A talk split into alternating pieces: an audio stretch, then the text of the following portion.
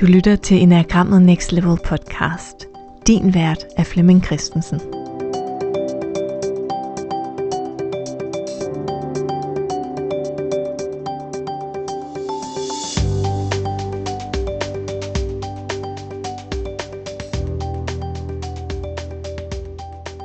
Velkommen til den her episode om hvordan vi støtter og guider det unge menneske, som øh, kan se sig selv i en af typerne i enagrammet. I dag der handler det om øh, type 5, og type 5 har jo en tendens til at gerne ville øh, betragte ting, forstå ting på afstand. Femmeren i os alle sammen er den, der observerer, og måske mere observerer og vil gerne have forstået tingene i det indre univers, før jeg går ud og handler. Hvis du har masser af type 5 i din måde at være på, så vil du helst ikke stille dig op og sige noget, før du sådan har tjekket det hele igennem og er fuldstændig sikker på, at du har fået alt med, og du forstår tingene i bunds. Den unge, den unge femmer har ret meget sådan øh, mm, gang i tankerne, og det, det er faktisk en, øh, det er en kombination af tanker og følelser. Men følelserne er så voldsomme, at jeg forsøger sådan at øh, lægge dem øh, til side. Og de er voldsomme på grund af det, jeg opdager ved hjælp af mine øh, tanker. Tankerne hjælper mig jo med sådan at forstå, at vi skal dø. At ting forgår. At der er nogle mysterier i livet, som handler om, at vi er blevet smidt ind i livet uden vi sådan rigtig øh, vidste Og så ligger vi der som små spæde mennesker, og så gror vi og vokser vi. Og lige pludselig får vi adgang til vores bevidsthed. Og bevidstheden får vi adgang til gennem ord og tanker. Og bevidstheden hjælper os jo med at forstå, hvorfor er vi her. Og at der også er en udløbsdato. Og når udløbsdatoen er passeret, kan det være, at man skal i jorden, hvor orme sådan stille og roligt begynder at kompostere ens krop. Det er jo, det er jo overvældende som ung menneske at, at vide det. Og når jeg taler om at vide det, så er det jo sådan reelt vide det. At jeg ved, det er sådan. Det er ikke bare en fantasi eller en idé eller en metafor. Ting, som ligger på jorden et stykke tid, bliver pillet i stykker af fugle og dyr og fluer og madker. Og den der voldsomhed, der er i at opdage det, skaber nogle voldsomme følelser, som jeg på en eller anden måde forsøger at holde, holde styr på ved hjælp af mine tanker. Så man kan sige, at det, det unge femmer menneske, jeg skulle lige til at sige barn, men det behøver jo ikke at være barn, det kan også være, at man kan sige young adults, som, vi, som jeg taler ind til her i den her serie. At jeg godt kunne tænke mig at tale med nogen om det her. Men de fleste, siger min erfaring mig som femmer, de fleste, jeg taler med om det her, forstår det ikke, eller har faktisk ikke forstand på det, så de siger bare noget. Så det der med, hvordan kan jeg så virkelig forstå det, så er jeg åbenbart overladt til mig selv til at forstå det. Og det gør, at der bliver bygget eller kan blive bygget den der fornemmelse af, hey, der er ikke rigtig nogen, der forstår mig. Jeg er sådan lidt måske skæv, eller sær. Øh, måske er mine tanker for abstrakte, Øh, og nogle gange, når der er nogen, der spørger mig, så vil jeg rigtig, rigtig gerne fortælle, hvad der er derinde, og ligesom få det ud, og mens tiden ligesom øh, er der, der er en åbning, og så, og så begynder jeg at rapple lidt, og så går der sådan lidt hurtigt, og så, øh, så er der hverken hoved eller hale i det, jeg siger. Så jeg kan også blive sådan lidt manisk at være sammen med, hvor man tænker, ja, rolig, rolig, rolig, rolig. Øh, og den der rolig, rolig skaber jo sådan en, en distance, eller man skubber jo, man skubber jo hinanden væk. Og det kan jeg også som femmer godt føle, at, at jeg bliver disconnected, eller folk ikke vil have mig. Og jeg kan godt komme til at tage det som personligt, at folk ikke vil have mig.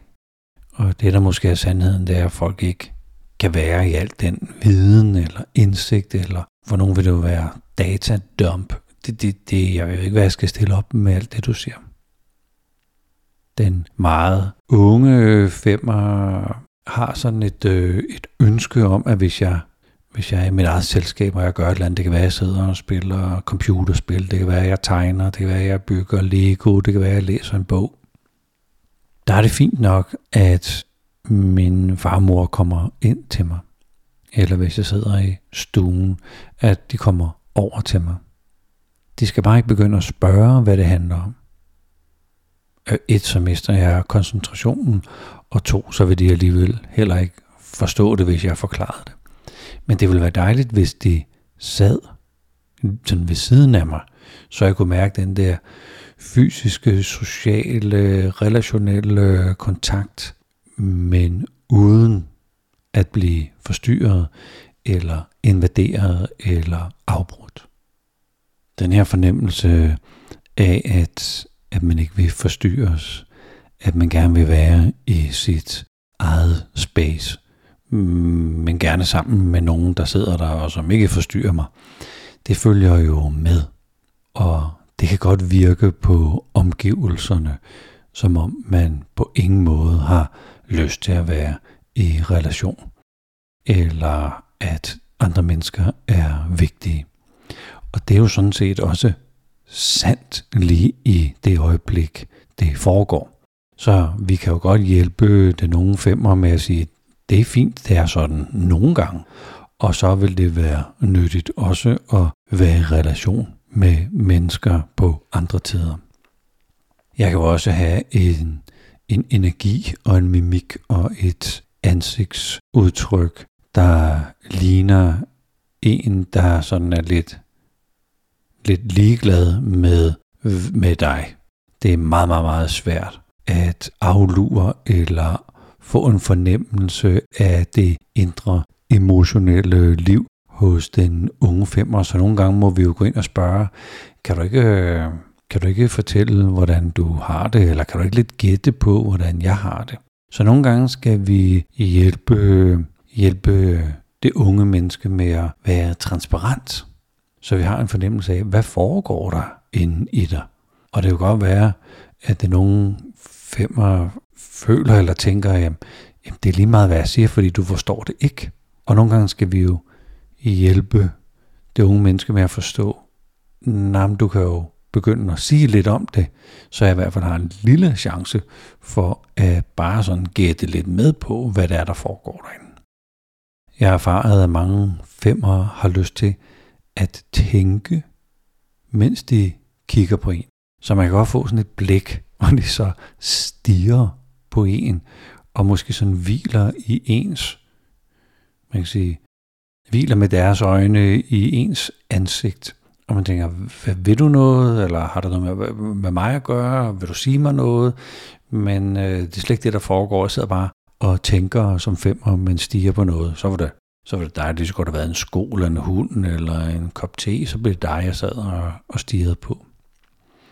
Så det, at vi også kan forklare øh, det unge menneske, at hey, det at stiger, det er jo faktisk lidt en invitation til, til noget. Så hvis du ikke inviterer til noget, så, øh, så, så læg dit blik et andet sted, eller vær, i hvert fald vær opmærksom på det. Der er jo en, en masse følelser derinde, som på en eller anden måde mm, er for voldsomme til at, at at jeg kan, kan være i dem. Og derfor bliver de, de gemt væk. Og man kan sige, rigtig mange femmer har sådan øh, lyst til, og det er den her lille finurlighed, jeg så kan komme med om, om den her type. De har faktisk lyst til at fortælle en hel masse og dele en hel masse og være super generøs, både med sig selv og det indre univers, og hvad jeg nu har opdaget, mm, når jeg har lyst. Det skal altså være mig, der starter den. Det skal være, det skal være den der helt naturlige øh, tilskyndelse fra min side, så jeg skal ikke interviews eller spørges eller udfrittes. Og der skal vi være vågne, der skal vi være klar, der skal vi være til stede. Øh, og det vælter jo selvfølgelig bare ud, og, og det kan være, det er svært at sortere. Så, så, så på et tidspunkt kan man jo godt sådan gå ind og sige, åh oh, fedt mand, øh, kan du ikke hjælpe mig med at forstå det, du har sagt? Fordi jeg vil faktisk rigtig, rigtig, rigtig gerne forstå det. Så hvis man sådan skal ind på, øh, på nogle øh, tre områder, der vil være, der vil være nyttige, så er det ene det her område med at være udtryksfuld. At vi kan hjælpe femmeren med, at de begynder at fortælle, hvordan de har det, hvad er det, der foregår derhen, hvad er det, de går og spekulerer på, hvad er det, de har fundet ud af, hvad er det, de er optaget af, hvad er det, de er i gang med at undersøge. Det er sådan måske indgangsvinklen, det er sådan hovedtilgang. Og næste skridt kan jo så være at gå ind og få en snak om, jamen, øh, hvordan, hvordan, hvordan er det at være dig, og hvad er det, der sådan foregår derinde? Hvad er det, hvad er det dine tanker om øh, andre mennesker? Hvad, hvad er dine tanker om dig selv? Og sådan stille og roligt åbne op til det mere emotionelle, det mere personlige, der hvor identiteten er ved at få sit, øh, få sit øh, fagntag, at, at hjælpe, hjælpe med at kigge derind, for at hjælpe den unge femmer med at forstå. Og det er som punkt to, at hvis man skal relatere sig til andre mennesker, bliver andre mennesker nødt til at have en fornemmelse af, hvor man har en. Og det kan godt være, at jeg som femmer tænker, hvorfor skal jeg relatere mig til andre mennesker? De fleste af dem, jeg taler med, det de ved noget om, det er ubrugeligt, eller det de taler om, det er ligegyldigt, så taler de om fodbold, eller så taler de om tøj, eller så taler de om fester. Det er jo, det er jo, det er jo ikke vigtigt. Og der ligger jo sådan en, en, lille, en lille finurlighed i, at hvis jeg tror, jeg har ret, at jeg har luret noget. Gevinsten ved det er naturligvis, at så skal jeg ikke tænke mere over det. Og jeg behøver mig faktisk, jeg behøver heller ikke at mærke, hvordan andre mennesker har det. Så vil jeg have ret, så har jeg besluttet mig for at være ligeglad med, om andre mennesker har det godt, eller om de er glade og tilfredse, eller hvad det er, de er, de er optaget af. Så at vide noget med sikkerhed, altså være specialist, fjerner nysgerrigheden. Og det er en måde, øh, vi sagtens skal tale ind til femmer på, fordi de vil jo gerne være nysgerrige. Der er bare nogle områder, der er svære at være nysgerrig på. Nogle gange, når jeg taler med, med de, de unge femmer, så siger jeg, at de må simpelthen lære at smalltalke. Og det er super, super svært at forstå. Så har en eller anden familie købt en pudelhund. Og hvad, hvad, skal jeg, hvad skal jeg vide det for? Altså medmindre de har åbnet den og kigget ind i, fordi de var nysgerrige på, hvad der var inde i en pudelhund. Men derudover, hvorfor skal jeg så i samtale med dem om, at de har købt en hund, eller de har fået nye tæpper, eller sådan et eller andet. Og det der med at forstå, at smalltalken, det er limen. Det er det, der binder relationen sammen. Det kan meget ofte være nyttigt at begynde at få en samtale om det. Den sidste ting af de her tre punkter, det er, jeg kalder det at dele sin livsforskrækkelse. Jeg er jo som femmer blevet, blevet overvældet over at have fået bevidsthed, og dermed se sandhederne omkring det at være menneske. Og det kan være, at jeg som femmer udtrykker det på en eller anden måde gennem, gennem min tale, gennem tegninger, gennem historier, fortællinger, måden jeg, ja, udfordrer nogen på. Det kan være både mine kammerater, mine forældre, øh, autoriteter, lærer, min chef. Det kan også være en måde, jeg sådan håner, håner omverdenen på, fordi jeg har, jeg har fået fingrene i noget af det væsentlige eller rigtige om livet, og det er jo helt tydeligt, at, at det er der andre, der ikke er. Så det her med at begynde på en udtryksfuld måde og på en relaterende måde at dele det, jeg har opdaget om livet. Så tænk, hvis jeg opdager, at det ville være fantastisk, hvis nu livet var meningsfrit. Ikke meningsløst, men meningsfrit. At hvis nogen sagde noget til mig, så havde det ingen mening for mig som menneske. Det havde måske øh, betydning i, at så kunne vi blive klogere og sådan. Men at jeg ikke skulle tage ind og tro, at det handlede om mig. Det kan også være, at hvis jeg tog mig et, et studie eller et job, så var det ikke studiet og jobbet, der i sig selv var det interessante. Der var ikke noget mening der. Jeg var, jeg var fri for at skabe mening i, i studiet eller jobbet, men det måtte gerne skabe betydning. Det kan godt være, at jeg går med sådan nogle lidt, lidt vilde tanker. Og så hedder invitationen at finde en form for at udtrykke det. Alle de store tænkere har jo måttet finde sig en form hvor de kunne udtrykke det, der foregik i det indre univers. Rigtig mange store tænkere øh, engagerede sig meget ofte i musik. Så at det var et altså det musiske univers var et sted, hvor jeg kunne hvor jeg kunne sætte mine tanker fuldstændig fri i et, et kreativt rum og udtrykke noget super subtilt, som øh, ikke rigtig kan udtrykkes måske med ord. Den her livsforskrækkelse over, at man måske skal dø, eller tænk, hvis der slet ikke var nogen mening med noget som helst. Tænk, at øh, tænk, hvis kærlighed egentlig bare var at skulle bringe folk sammen, så de kunne parre sig, og der kunne komme nogle unger ud af det, og generne kunne komme videre.